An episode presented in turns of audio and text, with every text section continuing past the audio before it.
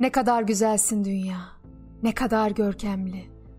Işığa itaatin ne kadar kusursuz ve güneşe teslimiyetin ne kadar asil. Ne kadar sevgi dolusun gölgenin altında ve yüzün ne kadar cazibeli bilinmezlikle. Şafağın şarkısı ne kadar huzur verici ve ne kadar haşin akşamın gölgeleri. Ne kadar kusursuzsun dünya, ne kadar büyük. Düzlüklerine yürüdüm, kayalık dağlarına tırmandım. Vadilerine indim, mağaralarına indim. Düzlüklerinde hayalini buldum, dağlarında gururunu. Vadide sükunetine tanık oldum. Kayalarında azmine, mağarandaysa sırrına. Sen zayıfsın ve güçlü ve mütevazi ve mağrur.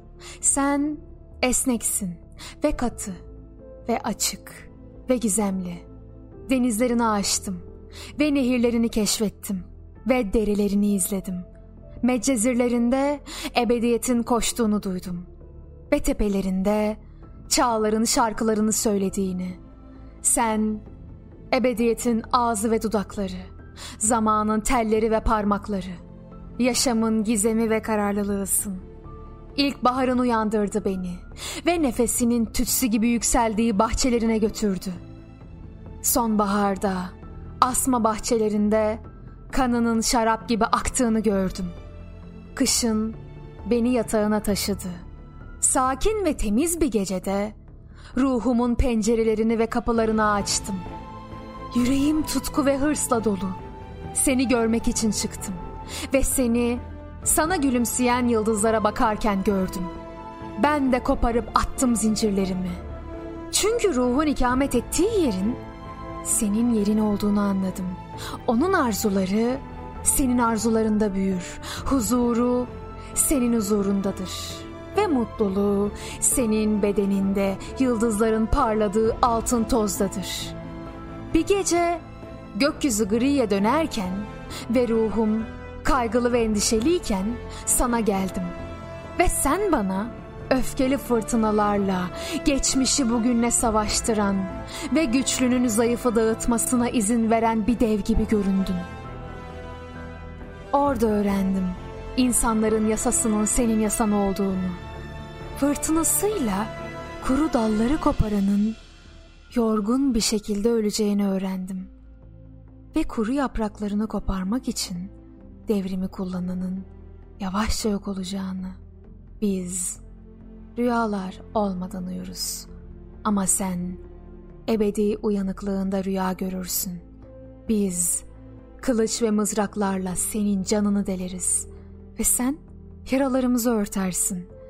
Biz senin bahçelerine kafatasları ve kemikler gömeriz ve sen onlardan servi ve kavak ağaçları yaratırsın. Top ve bombalar yapmak için senin maddelerini alırız. Sense o maddelerden zambaklar ve güller yaratırsın. Ne kadar sabırlısın ve ne kadar merhametli. Yoksa devlerin devinin damarlarındaki bir kan damlası ya da alnından damlayan bir ter damlası mısın?